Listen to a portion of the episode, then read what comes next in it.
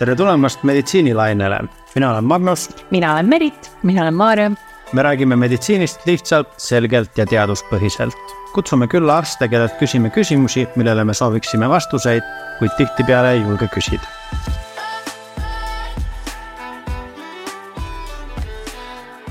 kõikide väikeste laste vanemate nimel on mul eriti hea meel juhatada sisse tänane teema, mis on eriti magus ehk uni väga hea meel on äh, tervitada stuudios äh, doktor Katrin Põld, kes on somnoloog ehk unearst ja üks neljast unearstist Eestis, tere. tere. räägi natuke enda taustast, kuidas üldse unearstiks saadakse?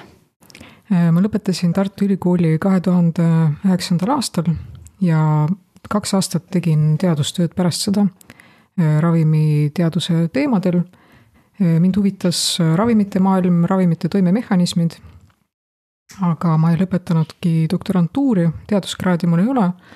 ja kaks tuhat üksteist ma astusin siis äh, neuroloogia residentuuri. ma ikkagi tundsin, et äh, närvisüsteem on see, mis mind rohkem huvitab, noh, ma töötasin vahepeal ka üldarstina, aga ma sain aru, et ma tahan spetsialiseeruda. ja neuroloogias sees omakorda noh, ma avastasin, et äh, et tegelikult unemeditsiin või unehäired on üks täiesti noh, mõnes mõttes Eestis avastamata peatükk, millega keegi eriti ei tegele. ja kuidas ma konkreetsemalt siis unemeditsiinini jõudsin, äh, mind kutsuti Eesti Unemeditsiini Seltsi ühe kolleegi poolt, kes äh, kuulis konverentsil mu ettekannet uinutite teemal ja kes tõusis püsti ja ütles, et äh, meil on sind vaja. see oli kaks tuhat neliteist ja aastast kaks tuhat kuusteist ma olen ka praktiseerinud unemeditsiini ja möödunud aastal tegin siis Euroopas somnoloogi sertifikaadi. kuidas, äh, kuidas me eestlastena magame, sa ütlesid, et Eestis on need unehäired ja see unemaastik veel natukene avastamata, aga kui, kui sa peaksid iseloomustama, kas, kas, kas me magame pigem hästi või, või eestlaste uni on pigem lühike ja katkendlik ja segatud? Mm, kui keegi kusagil noh, räägib isegi noh, teadustöö uuringute, noh, teadusuuringute raames mingitest noh, unekvaliteedi teemadest, ma tahangi ise ka alati küsida, et mis asi see kvaliteetne uni on mm. -hmm. me ei tea, see on subjektiivne. Äh, inimeste unevajadus on subjektiivne, et ja inimeste enesetunne päeval äh, võib olla diametraalselt erinev, noh, oleneb, olenevalt sellest, kas nad on maganud noh, seal viis tundi, mis on nende jaoks võib-olla norm, või viis tundi, noh, samas kui nad võib-olla tegelikult vajaksid kümme tundi und, nii et me ei saa öelda, et et ideaal kõigi jaoks on seitse kuni üheksa tundi, jah, see on mhm. tõepoolest see, mida kõik maailma uneassotsiatsioonid soovitavad, et täiskasvanud inimestele on soovituslik öösel magada seitse kuni üheksa tundi, noh, nii-öelda katkematu tund. aga see on täiesti rahvastiku noh, võib-olla tõesti põhiosa, kaheksakümmend protsenti. Eesti kohta ei ole tehtud äh, ühtegi sellist rahvastikupõhist uuringut, noh, mis ütleks meile, et kui kaua, noh, see on objektiivsem mõõdik, kui kaua inimesed magavad või kui hästi nad enda arvates magavad, et selline ametlik info meil puudub aga praktika ütleb seda et, et kaheksakümmend protsenti inimestest magabki tõesti seitse kuni üheksa tundi öösel, noh kui kvaliteetselt, see on täiesti omaette küsimus, noh seal on ka subjektiivsed ja objektiivsed mõõdikud selleks olemas, noh subjektiivsed on näiteks küsimustikud. et kui me küsime inimeselt äh, eilse öö kohta, et kuidas sa eile magasid ja mm -hmm. ta ütleb sulle, et ma magasin nii ja naamoodi või, või subjektiivne on siis äh, uneuuring või objektiivne on siis uneuuring, mis ütleb, et äh, nii mitu tundi oli sügavat und, nii mitu tundi oli unenägudega und. et äh, selleks kõigeks on erinevad mõõteinstrumendid, et seda hinnata, aga selliseid uuringuid ei ole Eestis tehtud. ja vot see kümme protsenti inimesi, kes jääb siis ühele poole seda normaaljaotuse kõverat sellest kaheksakümnest protsendist lühema une suunas, jah, neid tõesti on ka. Need ongi täpselt need inimesed, kes on äh, kell kolm öösel võib-olla jõusaalis või, või, või poes näiteks, lihtsalt sellepärast, et neil ei ole rohkem und vaja.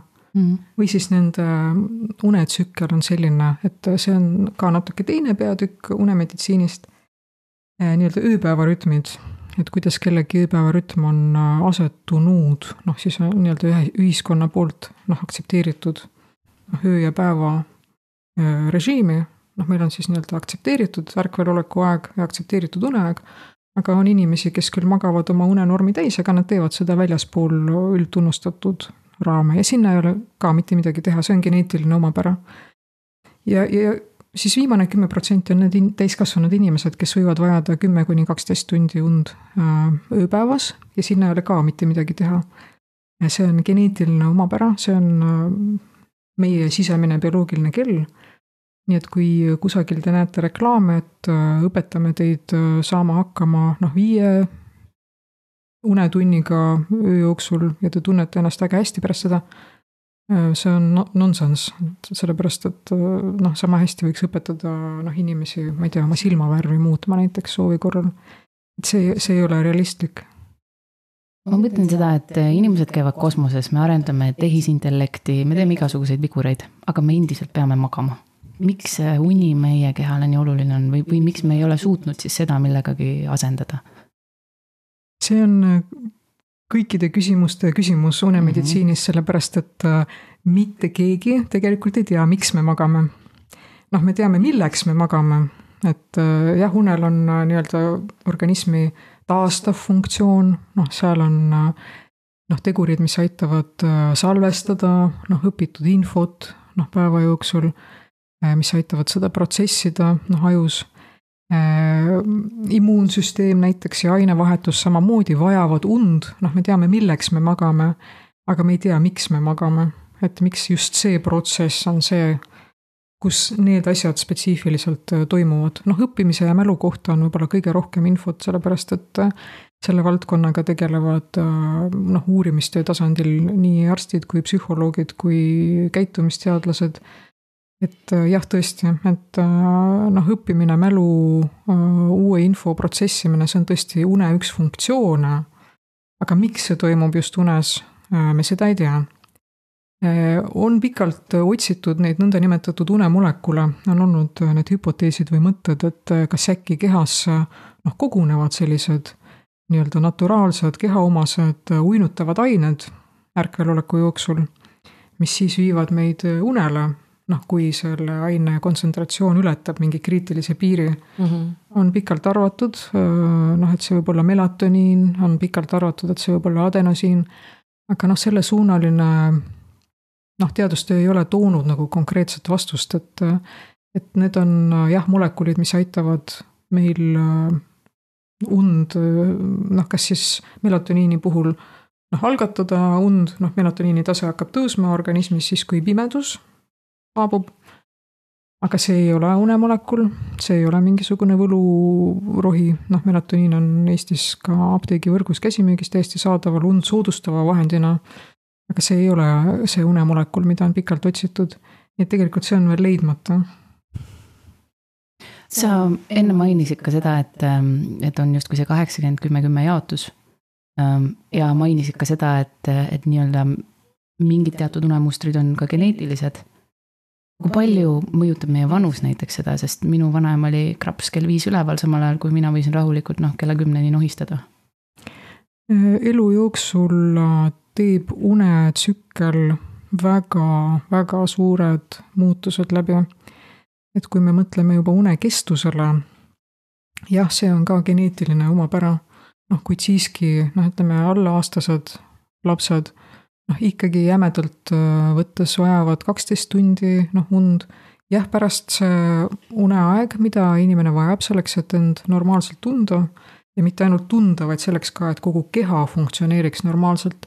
sest mida rohkem äh, teadmisi meil koguneb une kohta, seda rohkem me saame aru, et see ei ole ainult ajufunktsioon.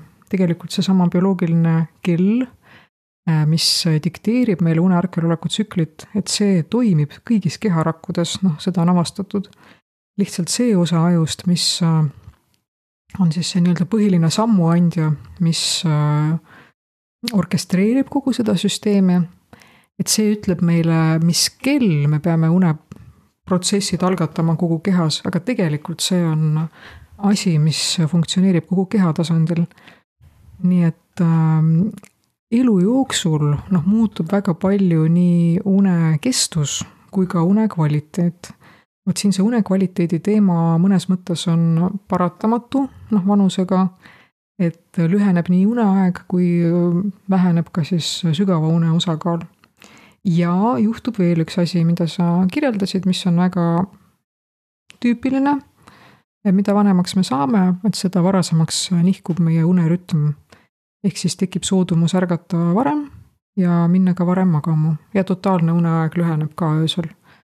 Ja loomulikult siis noh, kuna need muutused lihtsalt juhtuvad meiega, siis noh, vanus ongi üks konkreetne riskitegur, mis noh, on iseseisvalt üheks faktoriks, miks, miks inimesed noh, pöörduvad arsti poole oma uneprobleemidega. Ja mõnes mõttes see on loomulik. Aga kõik see, mis on loomulik, noh, see ei ole alati meeldiv, eks ole mm. -hmm. aga mm, kas, kas öise une vähesust mis ütleme, ütleme, mina ei ole see inimene, kes viie tunniga saab hakkama mul oli äh, üks väga tore kolleeg, kes reaalselt magaski viis tundi ja ma ei mõistnud, kuidas ta suudab funktsioneerida selliselt. aga jällegi, nagu sa enne ütlesid, inimesed on nii erinevad, mina see ei ole. aga nüüd on mu küsimus see, et kui minust mitteolenevatel põhjustel ma ei maga öösel seda nii-öelda unevajadust täis, kas see, kui ma teen päeval nii-öelda uinakuid, lõunauinakuid, kas see siis aitab seda kuidagi tagantjärgi kompenseerida? Mm, jah, kui see võimalus on, siis äh, tegelikult ei ole ju ka midagi halba noh, nendes uinakutes ja päris paljudel inimestest ei ole ju ka tööst tulenevalt äh, mingit muud võimalust oma unepuudust kompenseerida.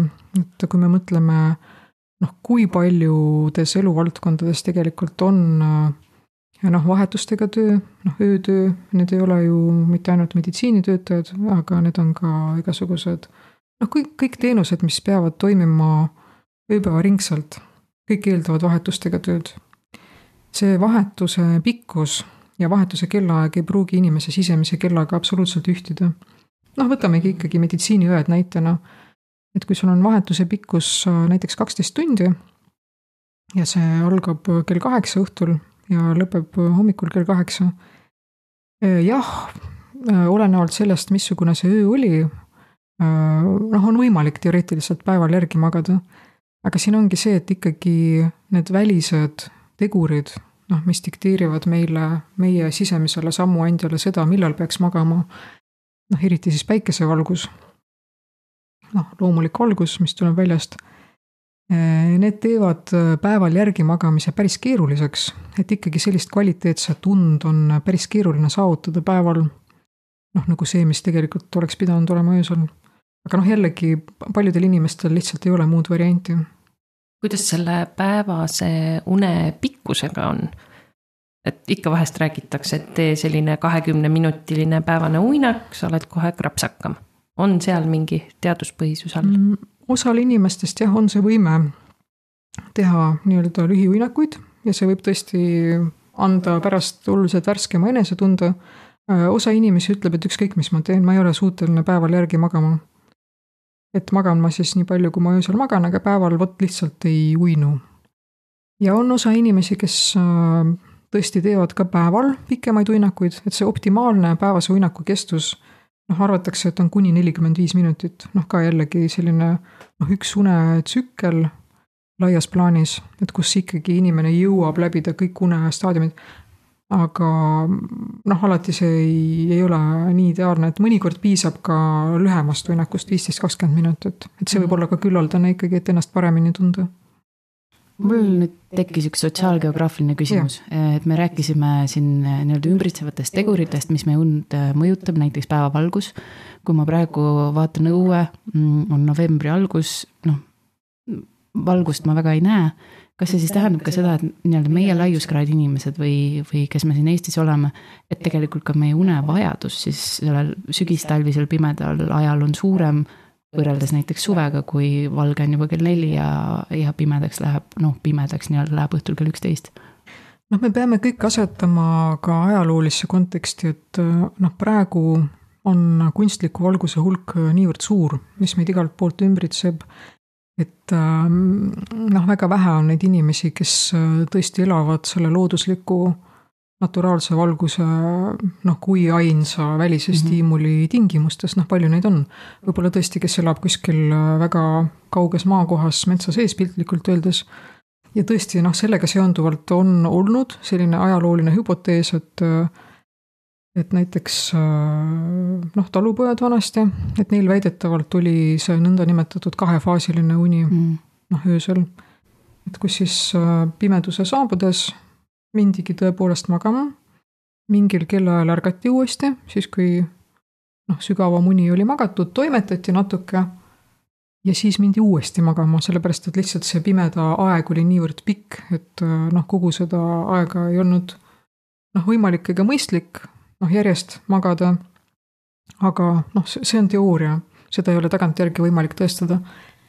tänapäeval on meid ümbritseva tehisliku valguse hulk niivõrd suur et väline valgus äh, mõjutab meid üsna vähe, noh, kui me just äh, päevasel ajal väljas ei liigu, noh, mida soovitataksegi teha ühe põhilise äh, noh, soovitusena selleks, et oma une kvaliteeti parandada, noh, võimalikult palju eksponeerida ennast päeval, noh, loomulikule valgusele, nii palju, kui seda siis on mm. -hmm.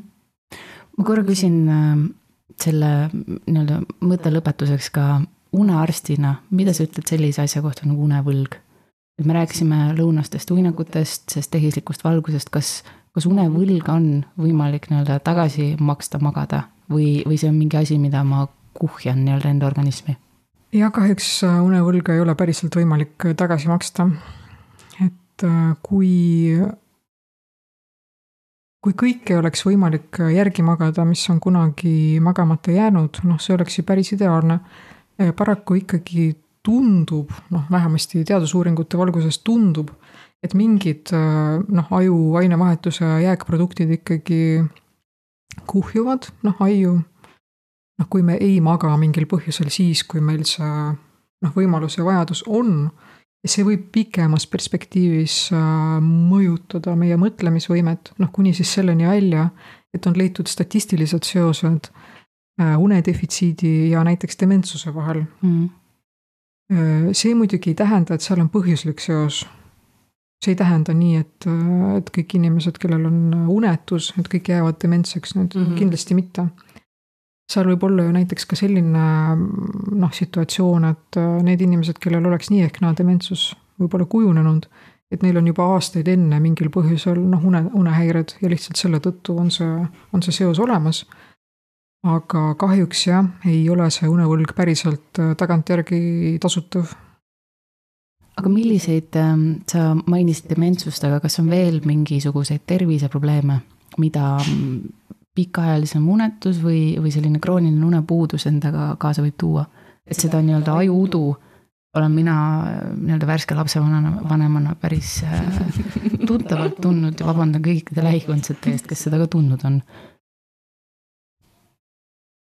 unetus ja unedefitsiit on täiesti erinevad asjad.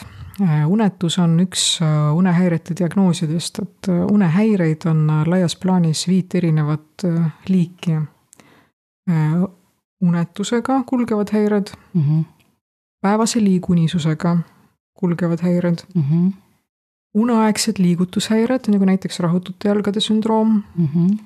uneaegsed hingamishäired. see on siis uneapnoe näiteks? just mm, -hmm. just ja igasugused parasomniad ehk unes käitumised.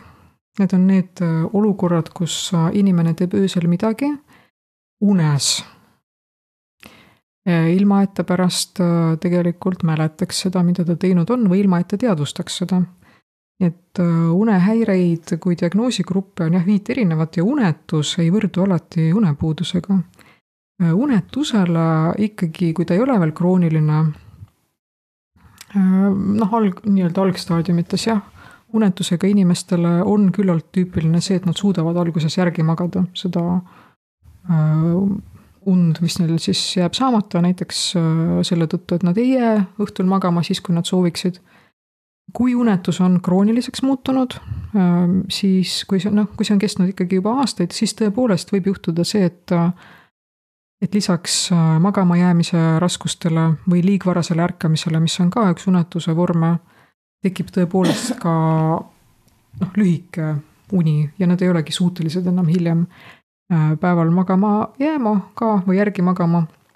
mis omakorda tekitab igasuguseid väga, kuidas ma ütlen, mitteproduktiivseid käitumismustreid. Mis tegelikult ainult hoiavad seda uneprobleemi alal, noh näiteks päeval voodis pikutamine, noh lootuses, et see uni ikkagi ükskord tuleb, noh mida tegelikult ei juhtu. või näiteks alkoholi tarvitamine enne magama minekut, mis noh, ka lootuses, et ehk toob see parema une, noh mis tegelikult võib kogu une algatamise protsessi hoopis ära rikkuda. et ähm, et ajuudu jah, mis unetusega kaasneb, jah, seda me praktikas loomulikult kohtame. ja mida kauem unetus on kestnud, noh, seda kehvem ongi siis noh, inimese või patsiendi päevane enesetunne. ja seda väsinum ta tegelikult on. et lõpuks ütlevadki need inimesed, kes on unetuse all aastaid kannatanud, et nad ei ole isegi enam niivõrd unised mm, -hmm. sest muidu nad jääksid magama, nad on lihtsalt väsinud mm. -hmm. seesama ajuudu selline üldine äh, halb enesetunne, noh, et, et see ei funktsioneeri tegelikult enam. see on päris levinud probleem, aga muidugi kroonilise unetusega kaasneb veel üks huvitav nähtus nagu uneseisundi väärtaju. need on need inimesed, kes ütlevad meile, doktor, ma ei ole öösel absoluutselt sõbagi silmale saanud. ja uneuuringu ajal me näeme tegelikult, et objektiivselt nad magavad mm. Aga lihtsalt see aju ülierksuse seisund on niivõrd võimas juba, et pindmistund enam ei pruugi kroonilise unetusega inimene tajuda unena. sa mainisid ähm, kahte asja ähm,. sa mainisid voodis nii-öelda une ootamist äh,, sa mainisid äh, väikse pitsikese võtmist või siis natuke suurema pitsikese võtmist enne magama jäämist. mis on need äh, unehügieeni faktorid või mis on see, mida ma saan ise ära teha selle jaoks, et mu une kvaliteet oleks hea või parem? kas see on tekk, kas see on padi, mis on voodi, milliseks ma peaks oma unekeskkonna kujundama? noh, siin ma arvangi, et äh, kui me mõtleme veel kord äh, selle, noh, mitte ma ei arva, et see ongi nii, äh, kui me mõtleme taaskord kunstliku valguse hulgale, mis meid ümbritseb, number üks tegur ikkagi, mis mõjutab meie ajuosa, mida nimetatakse hüpotaalamus, mis äh, reguleerib kogu une ärkveloleku tsüklit. kuna hüpotaalamust äh, mõjutab valgus, see on number üks asi, millest alustada. Äh, see võib tunduda täiesti banaalne, täiesti triviaalne soovitus, et ekraanid magamistoast ära, aga see nii on. kõige lihtsam asi, millest alustada. ja ma olen siiamaani hämmastunud, kui paljudele inimestele tuleb see üllatusena mm. -hmm. et äh, õhtune noh, eksponeeritud olek noh, valgusele, noh, see ei aita mitte kuidagi magama jääda. sealhulgas me räägime ka ju telekast. absoluutselt mm. -hmm et ega siis seal ei ole noh, enamasti kuidagi välja filtreeritud noh, need äh, lainepikkused, mis eriti häirivad siis äh, noh, une saabumist. et paraku absoluutselt kõik valgusallikad, lambid, ekraanid noh, häirivad une saabumist. kuna melatoniin, noh kui pimeduse hormoon, see vajab ikkagi teatud pimeduse taset selleks, et töötada. et selle poolest, kui inimesed arvavad, et melatoniin on unerohi, et ma võtan ta mis tahes kellaajal sisse ja magan kuidagi maagiliselt, siis seda ei juhtu. melatoniin aitab ka uinuda siis, kui on pime mm. -hmm. sa mainisid enne ka nii-öelda voodis ootamist, pikutamist, kui mul ongi läinud öösel uni ära olen kuulnud kahte sorti soovitusi, üks on see, et äh, pimedas ole voodis, silmad kinni, katsu lugeda lambaid või mis iganes muud tehnikat teha, mis sinu jaoks töötab. või teine soovitus on see, et mine siis jaluta natuke ringi, vaata natuke telekat, aga see juba sinu eelneva jutu põhjal ma ütleks, on siis äh, pigem mitte nii hea soovitus just selle valguse ja valgustundlikkuse puhul. noh, siin tegelikult äh, selles sisaldub kaks soovitust sellest, mis sa rääkisid mis olenevalt sellest, et mis probleem ikkagi inimesel on, et nad ei pruugi olla otseselt nagu valed, et noh, kui me räägime sellisest noh, akuutsest unetusest või nagu, mis on tekkinud hiljuti, näiteks kolimine, eksamid, noh, mingi muu selline stress, mis mõjutab inimest lühiajaliselt, äh, siis jah, ei ole mõtet võib-olla väga stressata, et kui sa oled öösel pool tundi noh, üleval, mitte midagi nagu ei juhtu hoopis teine asi on jah inimestega, kellel see unetus on juba noh, krooniline probleem ja kes selle tõttu juba noh, tõesti kirivad oma peas igasuguseid mõtteid ja noh, võib-olla isegi mõnes mõttes katastrofiseerivad unetuse päevaseid tagajärgi mm. -hmm. aga mis nüüd juhtub, kui ma ei maga või kui ma nüüd magama ei jää. Neile tõesti me soovitame, kui nad on hinnanguliselt viisteist minutit olnud noh, öösel voodis ärkvel me soovitame neil voodist välja tulla, aga kindlasti mitte ekraane vaadata, vaid teha midagi sellist noh, lõõgastavat, mis võib-olla ei noh, ei, ei ärrita väga palju närvisüsteemi, vaid mis aitab võib-olla ikkagi mõtteid mujale lihtsalt juhtida.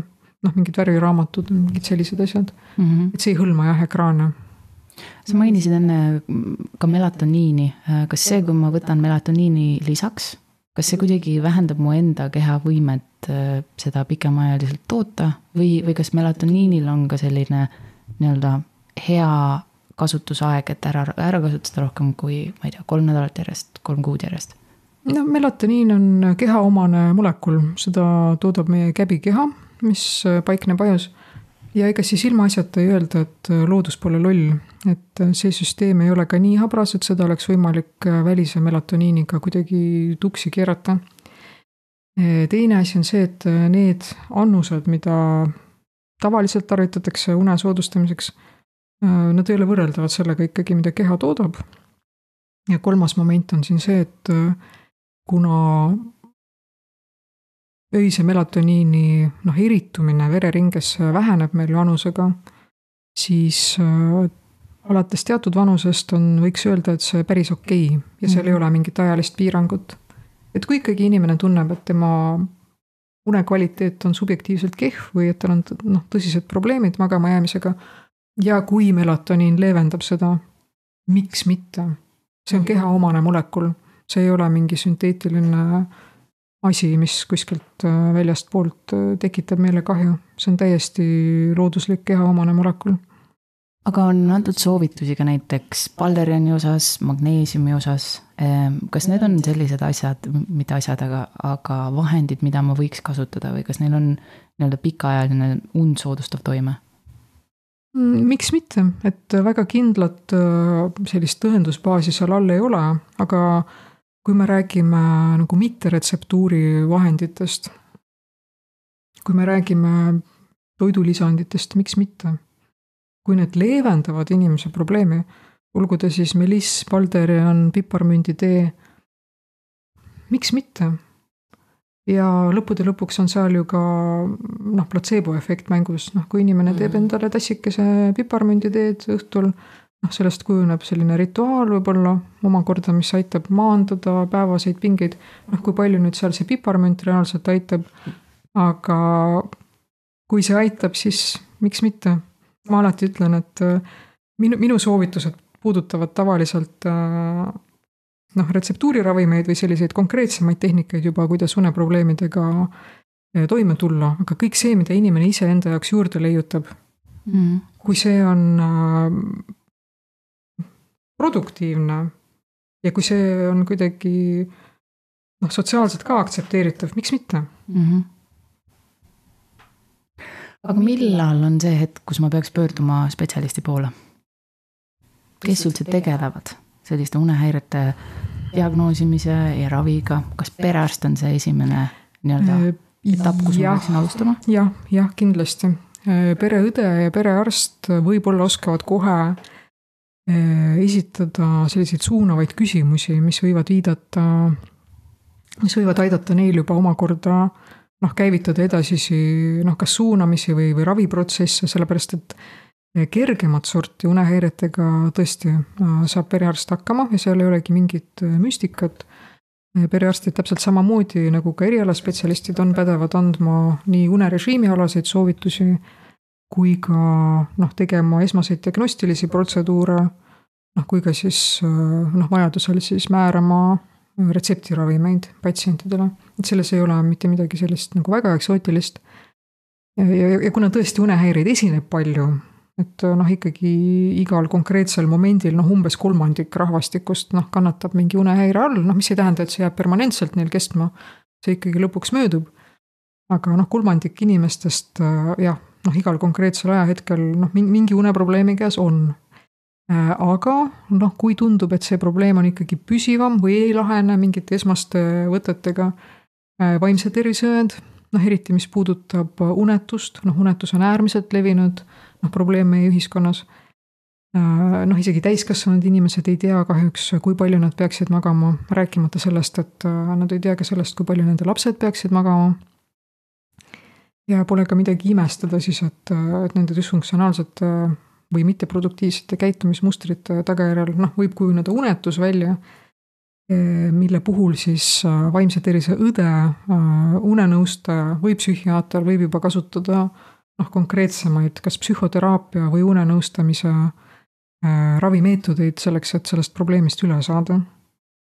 Aga muus osas jah, et kui me räägime liigunisuse probleemidest, kui me räägime rahutute jalgade sündroomist ja teistest uneaegsetest liigutushäiretest, parasomniatest, tavaliselt nendega tegelevad kas neuroloogid või psühhiaatrid või kui me räägime uneaegsetest hingamishäiretest, siis äh, üldjoontes nendega tegelevad kõrvaline kurguarstid ja kupsuarstid mm. -hmm kui me ütlesime välja, et me teeme uneteemalise saate, siis äh, meie postkast tulvas üle küsimustest ja ma küsin siia lõppu mõned hästi konkreetsed äh, asjad veel.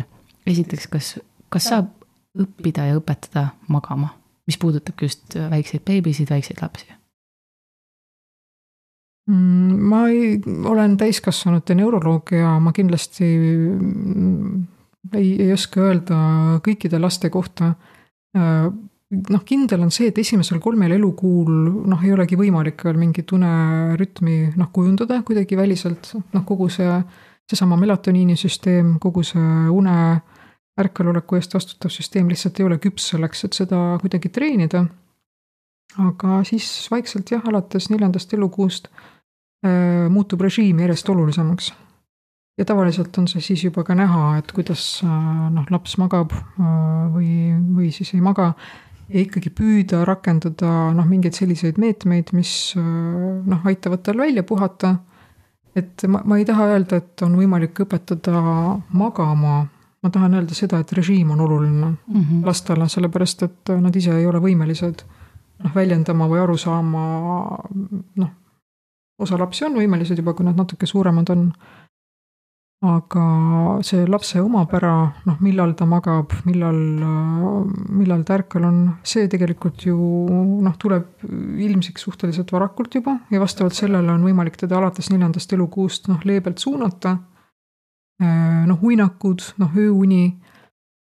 jõuga muuta ei ole seal väga palju võimalik ja see on ka noh mõnes mõttes võib-olla ohtlik, aga, aga kindlasti noh, kindel päevane režiim noh, on see, mis noh, mida vanemad peaksid rakendama, noh, kui me räägime lastest.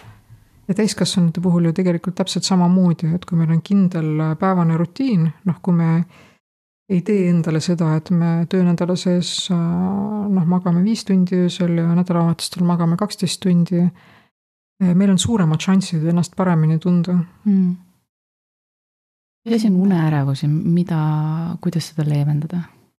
uneärevus võib tekkida inimestel, kes on juba kogenud mõnd unetut ööd või, või halba unekvaliteeti mingil põhjusel. ja kes noh, punkt üks võivad siis karta seda, et nad ei jää öösel magama. ja punkt kaks, kes võivad karta unetuse päevaseid tagajärgi. et need on mõlemad küllalt levinud probleemid. seal saab siis töötada nii unehügieeniga kui siis ka konkreetsete tehnikatega saab äh, neid mitteproduktiivseid mõtteid noh, ka nagu mujale suunata.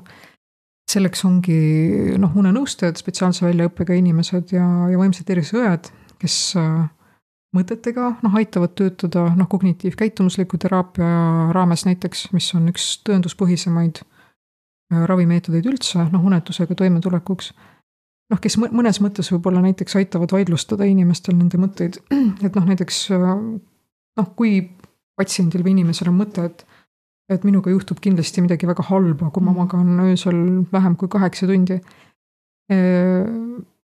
noh, spetsialist, kes tegeleb selle probleemiga, aitab tal noh, kuidagi neutraalsemalt või eemalt natuke vaadata seda, seda mõtet ja vajadusel seda vaidlustada ja, ja tegelikult noh, uneärevusega aitab kognitiivkäitumuslik teraapia väga hästi toime tulla.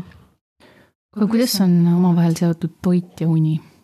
kas see, mida ma päeval söön, milline on mu menüü, ütleme pikas plaanis, kas sellel on, mis mõju sellel on unele? Mm, kindlasti seal on oma mõju mitte ainult sellel, mida süüakse, vaid ka kui palju ja millal mm. -hmm. näiteks, kes on ikkagi kogenud äh, pikki lennureise noh, seda siis äh, ajavahesündroomi, kui sa lendad üle mitme ajavööndi, päris keeruline on äh, uues ajavööndis sisse elada. ja toitumine, noh, toidu söömine konkreetsel kellaajal, see on ka tegelikult üks väliseid sammuandjaid meie organismi jaoks. et ahaa, nüüd on hommikusöök, järelikult noh, kell on seal, ma ei tea, seitse näiteks hommikul et valgus on äh, põhiline sammuandja meie organismi jaoks, aga toit on tegelikult äh, ka üks põhilisi tegureid, mis aitab meil orienteeruda ööpäevases rütmis. et üldiselt inimene ei peaks sööma öösel. et see ei, noh, täiskasvanud inimeste puhul ei ole väga soovitatav. selleks, et reguleerida või sünkroniseerida oma unerütmi, noh, nii-öelda siis äh, ka jällegi sotsiaalselt aktsepteeritud kellaaegadega, jah, soovitatakse toituda konkreetsetel kellaaegadel, noh, selle, selleks on omaette kõik noh, teadusharud, mis uurivad seda. Ja loomulikult toidu koostis ja, ja kvantiteet absoluutselt võivad mõjutada ka und. noh, ka noh, kui me mõtleme kasvõi selle peale, et kui palju noh, kofeiini näiteks on paljudes toiduainetes või, või jookides kui palju suhkrut on äh, erinevates äh, toodetes.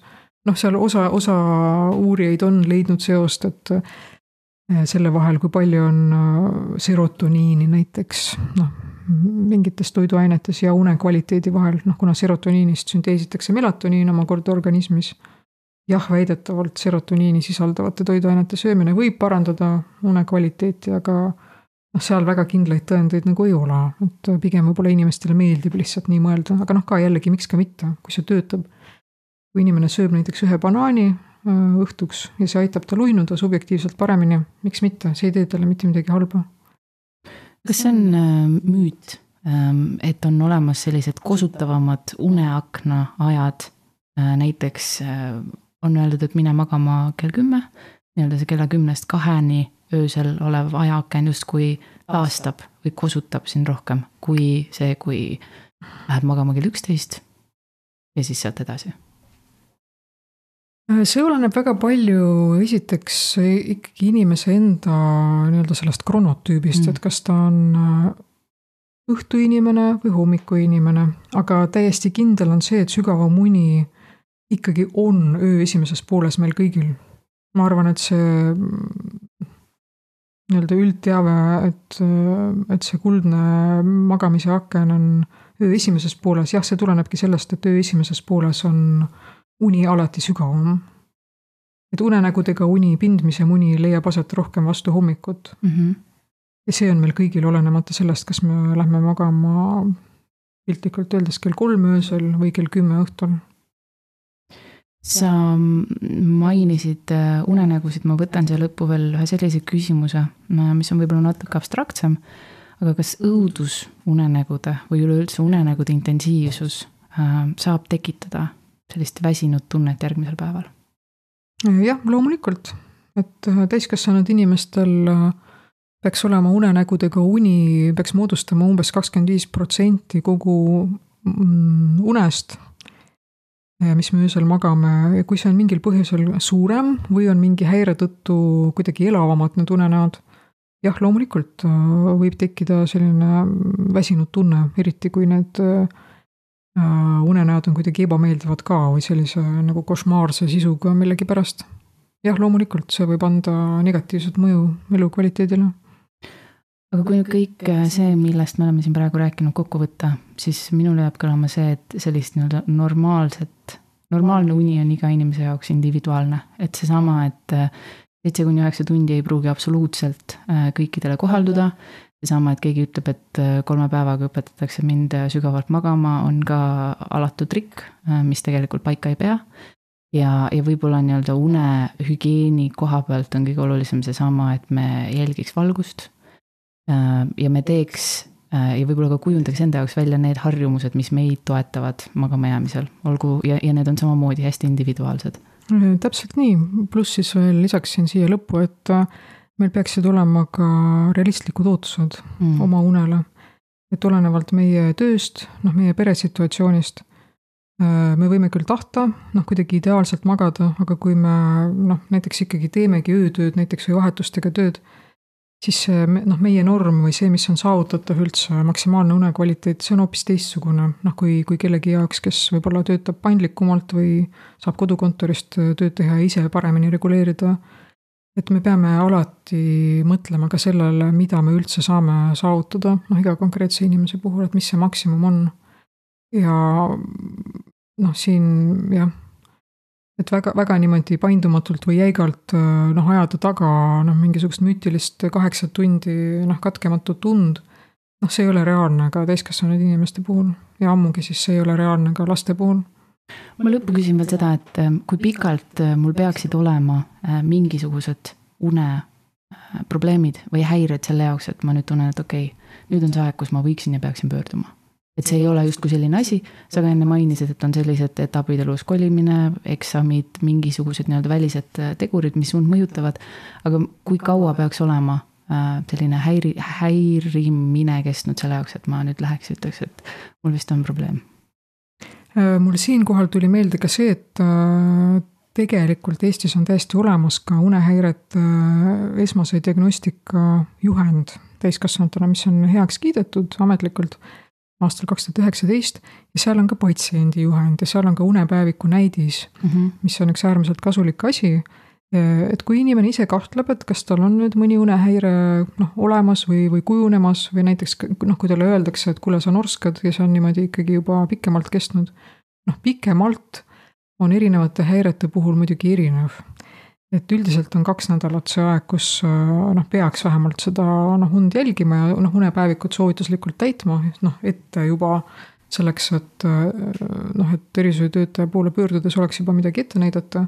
noh, seda päevikut võib täita muidugi ka mõnes nutiseadmes mm, -hmm. et ei mhm. ole ka nii oluline, et see oleks paberil, paberi ja pliiatsiga.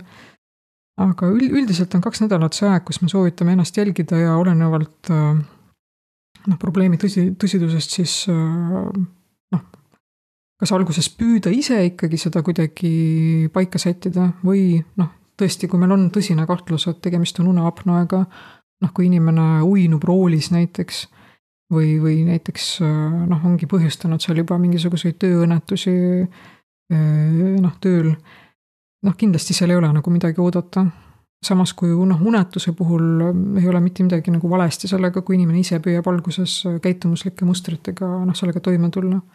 et noh, uneapnoe tõesti võib olla eluohtlik noh, oma päevaste mm -hmm. tagajärgede poolest. noh, samas kui unetus on, on ikkagi jah, peamiselt selline, mitte ma ei taha alahinnata selle mõju elukvaliteedile. aga tavaliselt sellel nii drastilisi tagajärgi noh, ei ole mulle tundub, et sul on üks maailma kõige äh, huvitavamaid ameteid ja hea meelega peaks sind veel kaks tundi kinni, aga, aga kõigest, kõigest teemadest, mis täna puutumata jäid, siis võib-olla juba mõnel teisel korral suur,. suur-suur-suur aitäh sulle, et meiega jagasid kõiki neid teadmisi. aitäh teile. aitäh, et oled meiega meditsiinilainel, leiad meid ka Instagramist ning postkasti ootame küsimusi ja tagasisidet. kohtumiseni järgmisel lainel